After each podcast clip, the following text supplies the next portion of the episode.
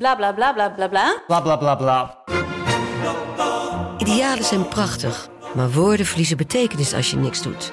Dus laten we met z'n allen wat minder praten en meer doen. Bij Agmea zijn wij vast begonnen. Zo gaan wij voor minder verkeersslachtoffers, gezonde werknemers en duurzame woningen. Waar ga jij voor? Kijk op www.werkenbijagmea.nl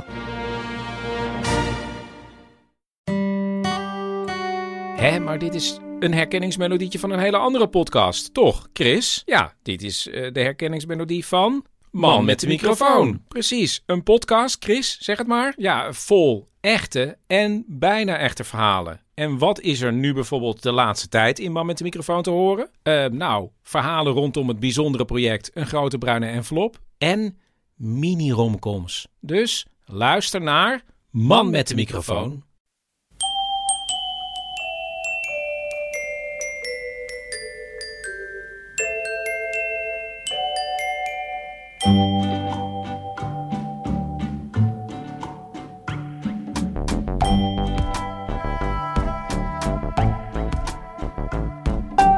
Welkom bij aflevering 206 van Echt Gebeurd, de podcast waarin waargebeurde verhalen worden verteld door de mensen die ze zelf hebben meegemaakt.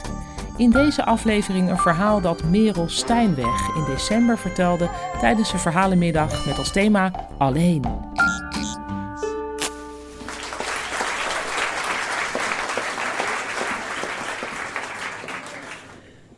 Het is 2003 en ik ben 18 jaar en ik zit in het vliegtuig op weg naar Columbus, Ohio, in het midwesten van de Verenigde Staten. En ik heb echt serieuze spierballen. Ik ben topfit, want ik ben een paar weken eerder uh, wereldkampioen geworden in het roeien bij de junioren. En dat niet alleen, ik heb ook een beurs gekregen om vier jaar lang aan The Ohio State University te gaan roeien om de eer van de universiteit hoog te houden. En ik heb in mijn hoofd, ik ga niet vier jaar naar de VS. Ik wil één jaar me onderwerpen aan het Amerikaanse trainingsregime. Om dan heel erg sterk te worden. En dan als ik terugkom in Nederland is mijn plan, dan kan ik instromen in de Olympische roeiploeg. En ik weet wel een beetje wat van, het, van de Amerikaanse manier van trainen. Ik weet dat ze, dat ze veel trainen.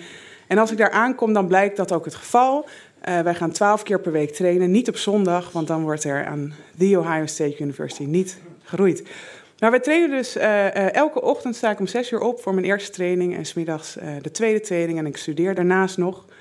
En na twee weken heb ik mijn eerste test, de eerste krachtmeting. En ik merk al, ik ben van de eerste twee weken best wel moe geworden.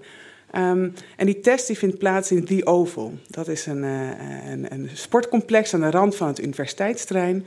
En dat is een soort overdekte atletiekhal. Maar als je dan binnenkomt, dan is aan de linkerkant er staat een soort ijzeren kooi met daarachter 20 roeiapparaten. En daar heb ik mijn eerste test.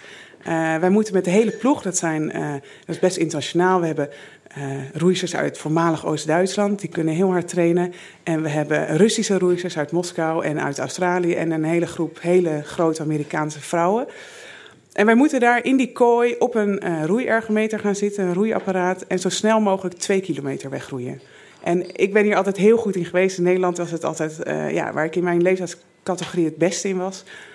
En ik begin, maar het gaat helemaal niet goed.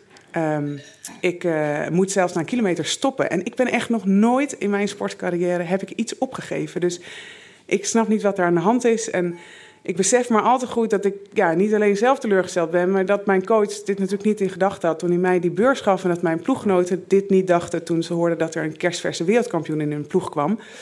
Um, maar na een paar dagen na deze test uh, blijkt uh, er een verklaring te zijn. Ik blijk namelijk de ziekte van Pfeiffer te hebben. En uh, de weken die volgen breng ik vooral door op mijn studentenkamer. En mijn studentenkamer die deel ik met een, een meisje dat zelf uit het Midwesten komt, eh, uit Ohio. En die is, die is heel zwaar gelovig, komt uit een groot katholiek gezin. En die heeft aan haar kant van de kamer heeft ze zelfgemaakte foto's van de paus hangen. En ik vind mezelf terug dat ik vooral heel veel tijd doorbreng op mijn kamer, uh, in bed, uh, kijkend naar de paus. en ik kan alleen maar denken, dit is, dit is zo niet wat ik hiervan verwacht had. En... Um, in deze tijd leer ik Mike, onze ploegarts, kennen. En Mike, um, dat is het type arts waarvan je aan alles ziet dat hij zelf ooit atleet is geweest. Hij, hij loopt ook altijd nog in sportkleding rond. De, de scarlet en grey, dat zijn de kleuren van de universiteit. Dus altijd een grijs polootje en een roodachtige kleur broek. En van die Amerikaanse gimpen eronder. Maar je ziet ook aan zijn uitstraling dat hij er heel veel trots uit haalt. Dat hij als arts mag bijdragen uh, mag, eigenlijk de atleten mag prepareren zodat zij in staat zijn om de eer van de universiteit hoog te houden. En um, nou, ik, ik, ontmoet Mike omdat hij, nou, hij heeft gehoord dat ik Pfeiffer heb en hij vraagt om langs te komen in zijn kantoor. En, um, en hij zegt, hoe gaat het met je? En ik kan alleen maar zeggen, ik ben zo ontzettend moe. En ik heb ook een dikke keelontsteking erbij gekregen. En nou ja, hij ziet dat het niet, uh, niet heel lekker is. En hij zegt, weet je wat, ik geef jou zes weken rust. Meestal is het na zes weken wel, wel over, Pfeiffer. En, uh, en dan kijken we gewoon weer verder. En tot die tijd kom je gewoon elke vrijdagmiddag even bij mij langs. Dus nou, ik breng heel veel tijd slapend door op mijn kamertje. Ik uh, fiets elke vrijdag alleen naar Mike. En ik stap altijd zijn kantoor binnen en hij vraagt hoe gaat het. En ik zeg, ik ben heel erg moe. En dan kijkt hij mijn keel en ziet dat het onrustig is. En ze gaan er zes weken voorbij, maar ze gaan er acht weken voorbij en ze gaan er tien weken voorbij. Maar na tien weken um, kan ik voor het eerst tegen Mike zeggen: joh, ik heb het ik weer wat energie heb. Dat, ik heb weer zin om te gaan trainen. En we komen samen tot de conclusie dat het eigenlijk, nou ja, als dat nu het geval is, dat ik weer beter kan worden, dat ik dan ook op tijd fit ben voor het trainingskamp. Want in de winter gaat uh, het roeiteam van The Ohio State University altijd naar Orlando, Florida, waar het dan super lekker warm is en echt roeien tussen dolfijnen. En voor mij is het gewoon best wel belangrijk dat ik mee kan op de trainingskamp. Want niet alleen ben ik dan gewoon weer onderdeel van de ploeg en kan ik doen waar ik voor gekomen ben. Um, maar het is ook zo dat de universiteit, universiteit dicht gaat in de winter. Dus als ik niet mee kan op de trainingskamp, dan heb ik geen plek om te slapen. Maar het lijkt wel maar de goede kant op te gaan. Dus ik, heb mijn, uh, ik maak zelfs een laatste afspraak met Mike, dat Mike uh, mij beter gaat verklaren. En in afwachting van die afspraak zit ik de tijd te doden bij mijn Australische ploeggenoot op de kamer. En uh, we besluiten een kaartspelletje te spelen. En het spelletje Split. Um, dan uh, krijg je allebei een stapel kaarten. Die leg je voor je uit. Je moet zo snel mogelijk uh, afleggen op een stapel in het midden. En als je uit bent, dan sla je op de stapel in het midden. Wie het eerst geslagen heeft, die, is, die is, uh, heeft gewonnen. En het lijkt mij alsof ik al het fanatisme wat ik de afgelopen maanden dan niet kwijt kon in het roeien, in dit kaartspelletje stop. En, en ik begin met spelen en ik ga super lekker. Maar mijn Australische ploeggenoot is net zo fanatiek, dus die gaat ook heel lekker. En wij zijn tegelijkertijd uit. En wij slaan tegelijkertijd op de stapel in het midden. Maar ergens in de lucht raken onze handen elkaar. En met haar rechterhand komt ze tegen mijn rechterhand aan. En met haar rechtervingers buigt ze mijn rechter ringvinger in een onmogelijke hoek naar achter. En ik, ik, hoor, een, ik hoor een krak en ik voel een enorme pijnscheut. En ik kan alleen maar denken: dit gebeurt nu niet echt. En ik schiet in een ontkenning. En uh, ik heb toch mijn afspraak met Mike staan. Dus ik spring op mijn fietsje en ik fiets naar het kantoor van Mike. En ik stap binnen en ik hou mijn hand achter mijn rug. En Mike vraagt hoe gaat het? En ik zeg, ik heb weer zoveel energie. Ik heb echt heel veel zin om te gaan trainen. En ik ben blij dat ik mee kan op trainingskamp.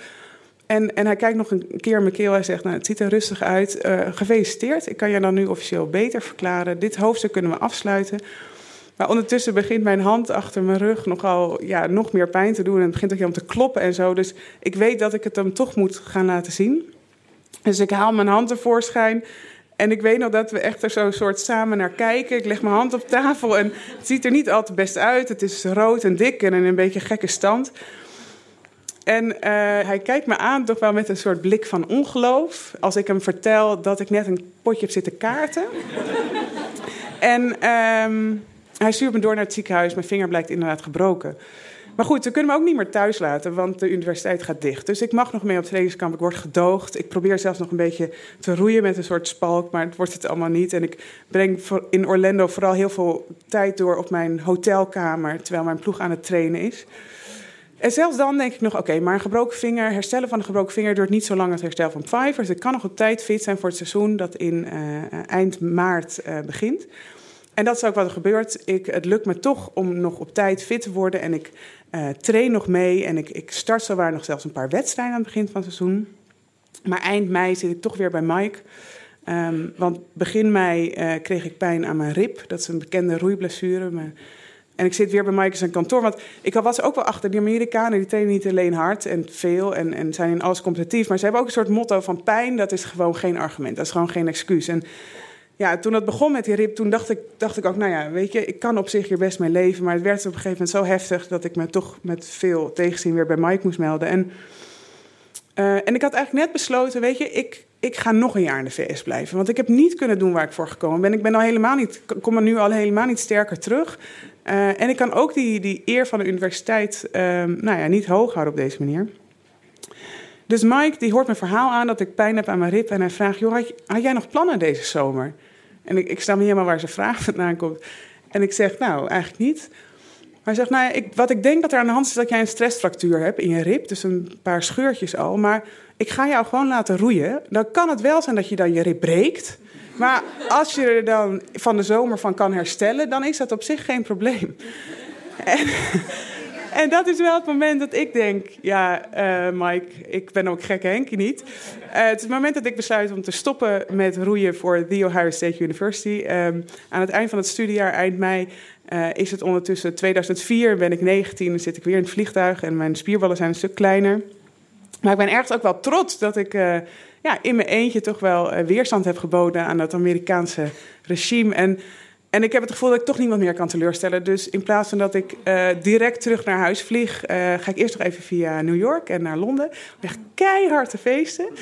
en zeg maar alles te doen wat God of de paus dan verboden heeft.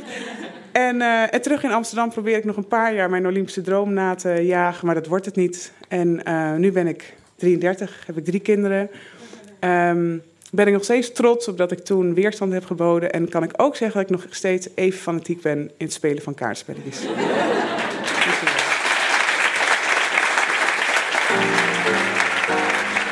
Dat was het verhaal van Merel Stijnweg. Merel is sociaal pedagoog en treedt daarnaast als stand-up blogger op bij evenementen. Ze schrijft dan live een blogtekst onder het motto woorden geven aan wat niet is gezegd. En draagt die tekst aan het einde van zo'n evenement voor.